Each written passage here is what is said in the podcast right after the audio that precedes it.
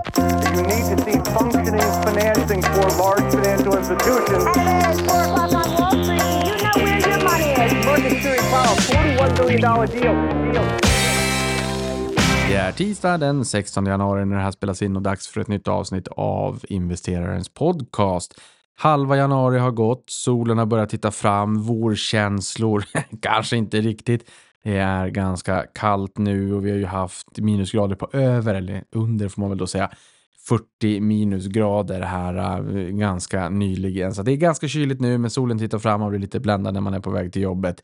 Så att det känns som att eh, vi är på väg ur permafrosten som har varit, eh, i alla fall upplevt som det är bitvis under den här vintern.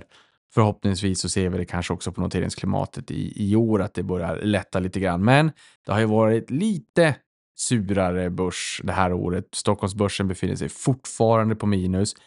Även om det är så att OMXS30 steg 0,77 procent förra veckan samtidigt som breda börsen OMXSP steg 1,08. Så den steg lite mer.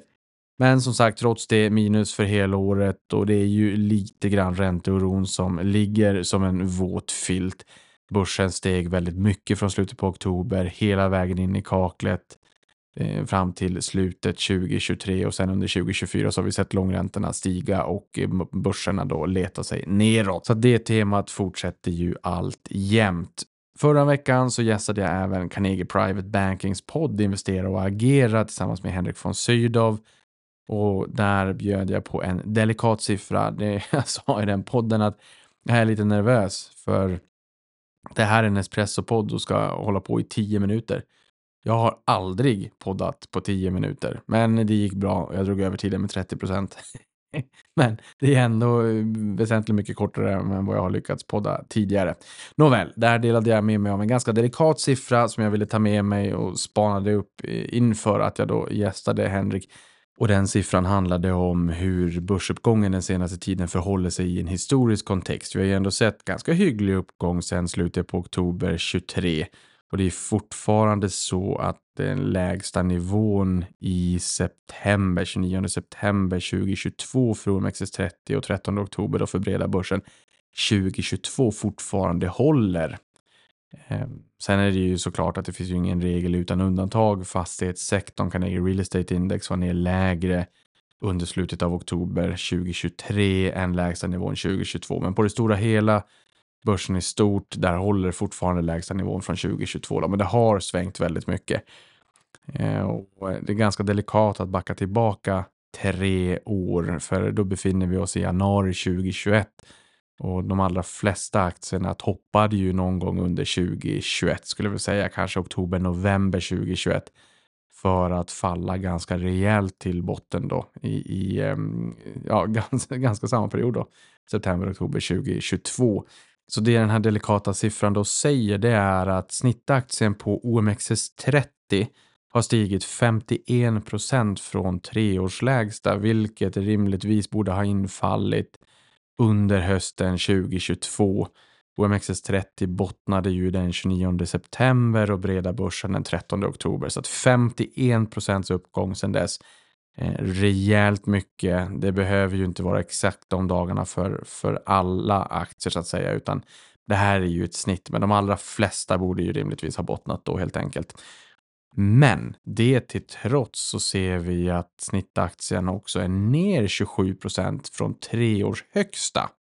Vilket rimligtvis noterades någon gång under 2021 när börsen var väldigt het. Tittar vi på breda Stockholmsbörsen och MXSPI så eh, visar den siffran en uppgång på 74 procent från tre års lägsta. Rejäl uppgång. Visar också sötman i att våga gå mot strömmen när det är riktigt surt där ute med nya slantar som allokeras. Men trots den här uppgången så är vi fortfarande ner 45 procent från tre års högsta. Det är det jag menar och har sagt det många, många gånger att vi har sett en krasch på börsen. Vi har sett ett blodbad på räntemarknaden. Trots de här uppgångarna så är vi fortfarande 27 procent ner på OMXS30, 45 procent ner på breda Stockholmsbörsen. Och det är ju inte svårare än att om en, eh, om en hundralapp faller 50 procent i värde till en 50 lapp, då ska den upp 100 procent igen. Så den faller 50 och ska upp 100. Eh, det är inga konstigheter, det är förmodligen någonting som du hade kunnat svara på i sömnen om jag väcker dig tre på natten. Men jag tror ändå att vi behöver bli påminda om det ibland, för eh, det är mänskligt att känna i magen att hoppsan, nu har det stigit ganska mycket här. Det borde nog komma en sättning eh, i och med att börserna stiger ganska mycket på kort tid. Och ofta så gör det ju det, det är ju inte konstigt. Men när vi tittar på de här procentuella siffrorna så måste vi ändå sätta det i kontext i vart vi då kommer ifrån. En märkeshändelse under veckan som har gått är att Microsoft seglade om Apple som världens mest värdefulla börsbolag. En trevlig märkeshändelse. De var ju väldigt, väldigt nära varandra. Det var ju mindre än 100 miljarder dollar emellan eh, Apple och eh, Microsofts börsvärde här. Jag tror att jag pratade om det i förra poddavsnittet. 100 miljarder dollar. det, det är väl 1000 miljarder kronor. Det är ganska mycket pengar. Men för de här giganterna så är det inte jättemycket. De är ju värda väldigt, väldigt mycket så att säga. Det som i mångt och mycket har lyft Microsofts börsvärde den senaste tiden, det är ju hypen kring generativ AI. De äger ju 49% av OpenAI som i sin tur äger ChatGPT. Är det så att du är nyfiken på hur hela den här listan ser ut så tänker jag servera den på ett silverfat åt dig. Det mest värdefulla börsbolaget i världen heter Microsoft. På andra plats hittar vi Apple. Tredje plats Saudi Aramco som noterades för några år sedan. Jag tror att de noterade typ 5% av aktierna i bolaget, men eh, de eh, fick ju en smakstart. Eh, inte mycket ESG där. Sen har vi Alphabet, Googles moderbolag, sen har vi Amazon, Nvidia, Meta Platforms, Facebook, Instagram, WhatsApp, Messenger, Oculus. Sen har vi Warren Buffetts Berkshire Hathaway, Tesla och Eli Lilly. Och några spännande spaningar under veckan är att Financial Times noterade att S&P 500 förvisso värderas lite högt just nu, men inte helt uppåt väggarna och menade dessutom att Magnificent Seven, och det är ju då Apple, Microsoft, Amazon, Alphabet, Nvidia, Meta och Tesla, är billiga i förhållande till vinsttillväxt och det här tänker jag mig inte är någonting som eh, man kanske tror. Eh, det var inte jättemånga heller som eh, var med på hur otroligt billiga techbolagen var under förra året och hur deep value-förvaltare eh, kände att de inte kunde hålla fingrarna i styr borta från techbolagen för att de hade blivit så billiga. Och det man har tittat på här det är ju PEG-talet, alltså price earnings i förhållande till growth, där man sätter P-talet i förhållande till vinsttillväxten, kanske innevarande år och nästa år, Eh, det vill säga ett år ut eller två år ut. Men eh, P-talet, värderingen idag i förhållande till, till vinsttillväxten eh, framåt och där värderas korgen till 1,97 gånger eller 1,53 gånger om man exkluderar Apple. Apple värderas lite högt. Och här avslutar Financial Times den artikeln med citat “These ain't dot coms folks”. Slutcitat. Det är väldigt lönsamma bolag och värderingarna är inte särdeles utmanande och de växer givet att man fortsätter växa topline ganska fint, tricklas ner där till en fin bottomline, en fin vinsttillväxt. Ja, då kommer ju de här bolagen att växa in i värderingen eh, hyfsat snabbt. Det är väl det som är deras take. Men vän av ordning kan ju ändå fundera kring just Magnificent Seven att de stod för en stor del av uppgången i fjol. De steg väldigt mycket och det jag tror att det man skulle vilja se här är väl kanske en liten eh, bredare börsuppgång, alltså att vi får se den breddas till lite fler eh, fler bolag, de lite mindre bolagen i S&P 500 också. Men givet det här så kan det vara så att vi får se de här stora giganterna fortsätta att driva uppåt ännu en, en bit då. Sen har vi inflationstakten mätt som KPI som landade på 4,4 procent year on year i december jämfört med 5,8 procent i november. Och här utgjorde stigande räntekostnader för egna hem då 52,3 procent av siffran, så över hälften av inflationstakten av inflationen senaste året, om man tittar på headline KPI, kommer från att Riksbanken har höjt räntan och gjort eh, räntekostnaderna för hushållen eh, högre än vad de har varit tidigare. Höjer man räntan så höjer bankerna bolåneräntan och då blir det lite tuffare varje månad när man ska betala räntekostnaderna så att säga.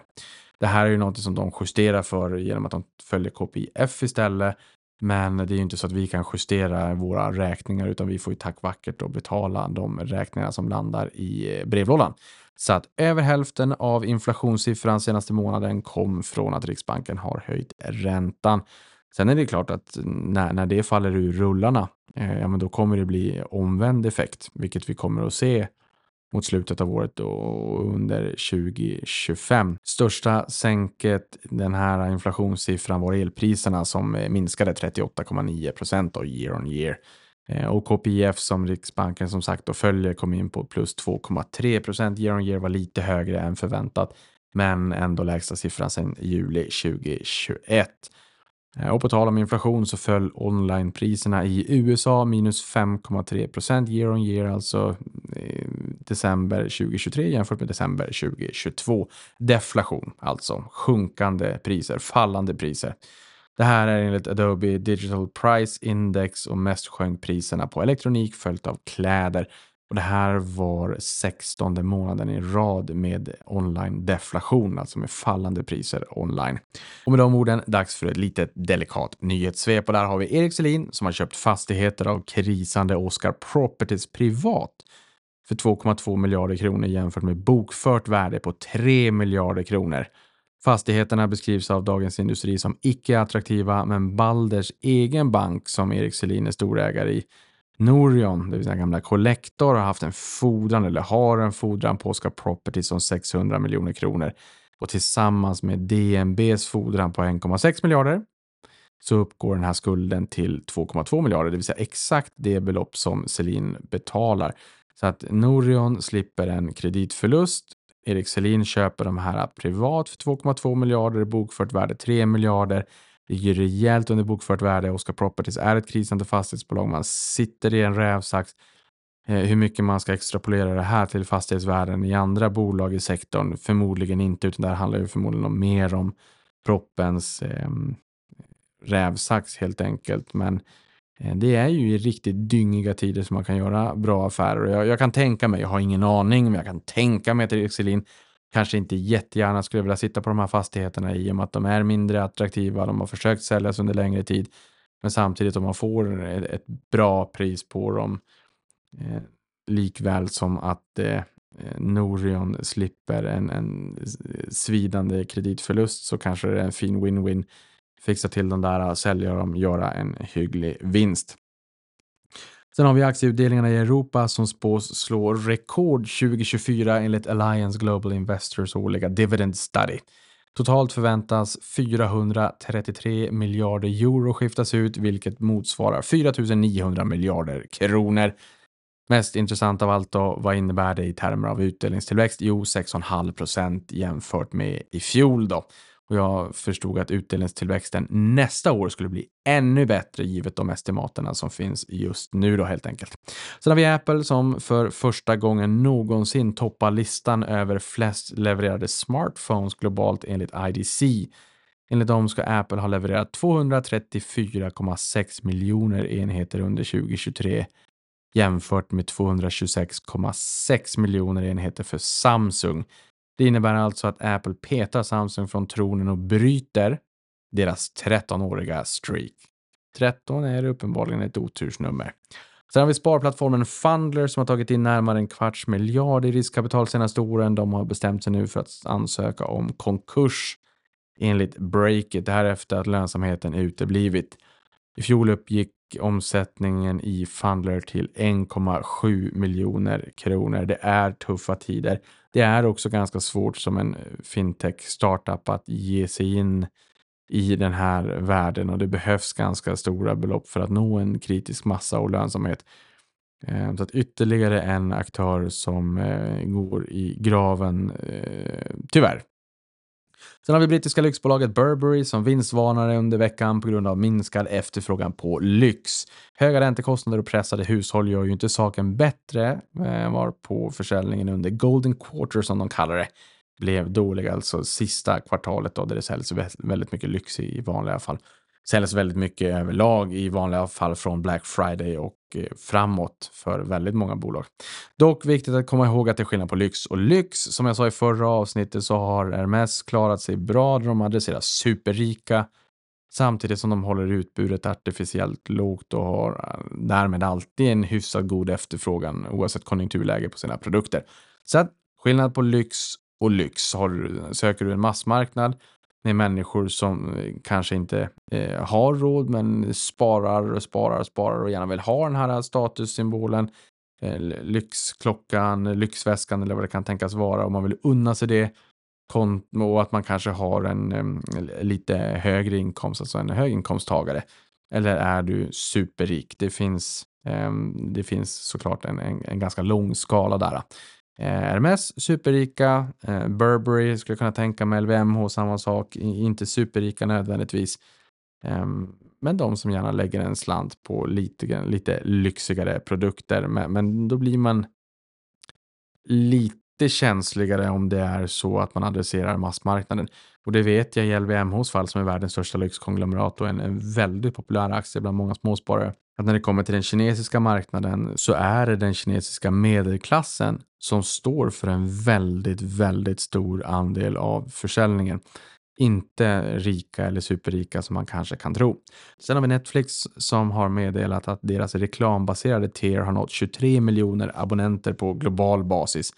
I november stod segmentet för 30 procent av alla nyregistreringar i de 12 länder som tjänsten är lanserad i. Så att nästan var tredje person som startar en prenumeration på Netflix väljer den billigare annonsbaserade tieren jämfört med de övriga prenumerationsplanerna som man har. Här blir det ju intressant att se hur mycket pengar kan man kräma ut från sina användare eh, och kan det till och med vara så att man tjänar mer pengar än den billigaste reklamfria varianten. Det här är ju en delikat balansgång också. Netflix har stigit närmare 200 procent sedan lägsta nivån under hösten 2022 för den som var lite nyfiken och funderade på hur har det gått sedan eh, de tappade från 700 dollar ner till eh, någonstans 160 dollar. Ganska rejäl nedgång. Sen har vi Atlas Copco som har utsett brasilianaren Wagner Rego till ny vd att efterträda Mats Ramström. Mats har du hört i den här podden tidigare i katalogen om du inte har lyssnat på det avsnittet, så leta upp det. Eh, väldigt spännande avsnitt om Sveriges kronjuvel. Eh, bolaget sa citat med sin stora affärserfarenhet och djupa tekniska kunnande är han mycket väl lämpad att leda och fortsatt utveckla gruppen. Slutcitat. Eh, Eh, Wagner började som ingenjörslärling i hemlandet Brasilien 1996. Då var inte internet gammalt. Sen har vi Kinneviks ordförande James Andersson som öppnar upp för en avyttring av innehavet i Tele2, deras kassako. Ehm, citat, det är något att diskutera, slutcitat, sa han på Skagens nyårskonferens. Att man kanske inte bör dra på för stora växlar, men ändå att han ens säger och öppnar upp, det är ändå ganska intressant och media har skrivit en del om det här eh, sen dess och stött och blött och funderat på om det är bra eller inte.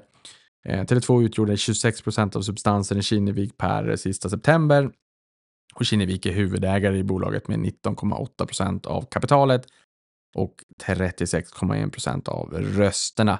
Och det här är intressant med tanke på att vissa ägare i Kinnevik vill tillbaka till utdelning. Samtidigt som utdelningarna kan liknas vid mjölk från en kassako till många kassakalvar bland innehaven. Korsnäs var ju kassakon en gång i tiden. Nu är det ändå Tele2. De får inte hur mycket pengar som helst, men de får ändå en del pengar. Och vi har ju sett eh, den här perioden nu som varit sedan 2021 och fram till nu då som har varit rejält tuff och innehav som har skrivits ner med 90 procent i värde. Ja, det är väl kanske inte då när börsen är ultrasur som man vill ta in nya pengar till inte så härliga villkor. Då är det ju ändå trevligt att ha visst kassaflöde i portföljen för man vet att det kommer vara så att vissa bolag i portföljen behöver Eh, rekapitaliseras, behöver få en vitamininjektion med nya pengar. Och då kan det vara trevligt att ha en slant där och kunna stötta dem utan att behöva gå till marknaden och be om nya pengar. Och det här är något som Per Brilliot på VNV Global när han var med på den här senast också sa att det, det hade varit trevligt med en kassako. Det, det, är nog förmodligen kanske någonting vi kommer se över framåt eh, om, om vi inte ska ha. Uppenbarligen så kan Kinnevik tänka sig att gå åt andra hållet. Å andra sidan så har ju Kinnevik också lite mer mogna bolag än VNV Global, men ändå. Så jag tycker att eh, ja, den, den, den, är intressant.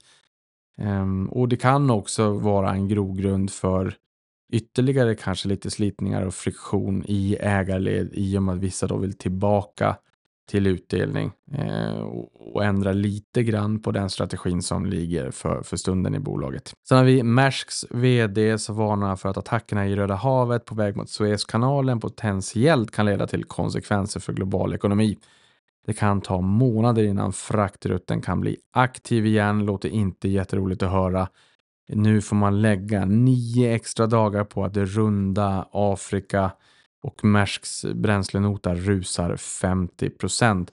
Eh, Jag tror att det är många som har hört diskussionerna kring Suezkanalen den senaste tiden. Eh, det är ett tag sedan vi hörde kring Suezkanalen senast. Då var det ju Evergreen som hade fastnat. Det tog en vecka att få loss det. Det var 405 skepp som ankom Rotterdam eh, till hamnen för att omlasta och ta sig vidare granulärt runt i Europa, kanske till Göteborgs hamn. Så, ehm, och det här tog ju eh, väldigt, väldigt länge. Det blir månader av förseningar. Ofta så brukar det vara så att, eller alltid, att ett skepp ankommer hamnen och lastar av det. Sen när det är klart så kommer nästa så att det blir lite lin, eh, om, om man så säger. Här kom väldigt många skepp samtidigt och då blir det verkligen pannkaka. Men Suezkanalen är en av världens viktigaste handelsrutter för sjöfrakt och en viktig intäktskälla för Egypten, ska sägas. Och den här kanalen gör att fartyg från Asien kan ta sig till Medelhavet i Europa utan att då behöva runda hela Afrika. Och antalet containerfartyg som nu passerar kanalen har minskat 90 year on year under eh, första veckan i år på grund av attacker från Jemens Houthi-rebeller. Här har vi ju sett attacker vid två tillfällen från USA och Storbritannien och eh, det är, det är instabilt i regionen Eh, och man är orolig för att det här kan få återverkningar på global ekonomi och också eskalera. Och det pratas ju om att det här är eh, proxy från Iran och att det ska vara vedergällning för eh, det som nu händer mellan Israel och Palestina. Så att det här är någonting att hålla koll på.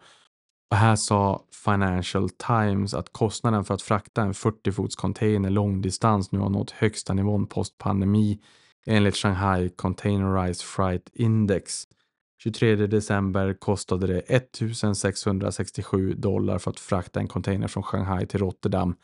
Och 5 januari, vilket nu är eh, några dagar sedan, var priset 3577 dollar, det vill säga 114 procent upp. Eh, för här vill man ju då från Shanghai och sen så vill man smita igenom Röda havet där och igenom Suezkanalen och man vill absolut inte runda Afrika om man inte behöver. Ehm, för att ta sig då till Rotterdam för att lasta om. Ehm, här upp 114 procent och det här är klart att om det här inte löser sig inom rimlig tid så, så lär det få återverkningar. Nu är ju inte fraktkomponenten 100 procent av kostnaden för en produkt, men det är ändå, det är ändå en hygglig andel. Eh, så det här är nog inte det sista vi har sett av det här. Med de orden, hoppas på en eh, trevlig börsvecka med positiv utveckling så eh, hörs vi igen nästa vecka. Tack för mig och tack för att du lyssnade på det här.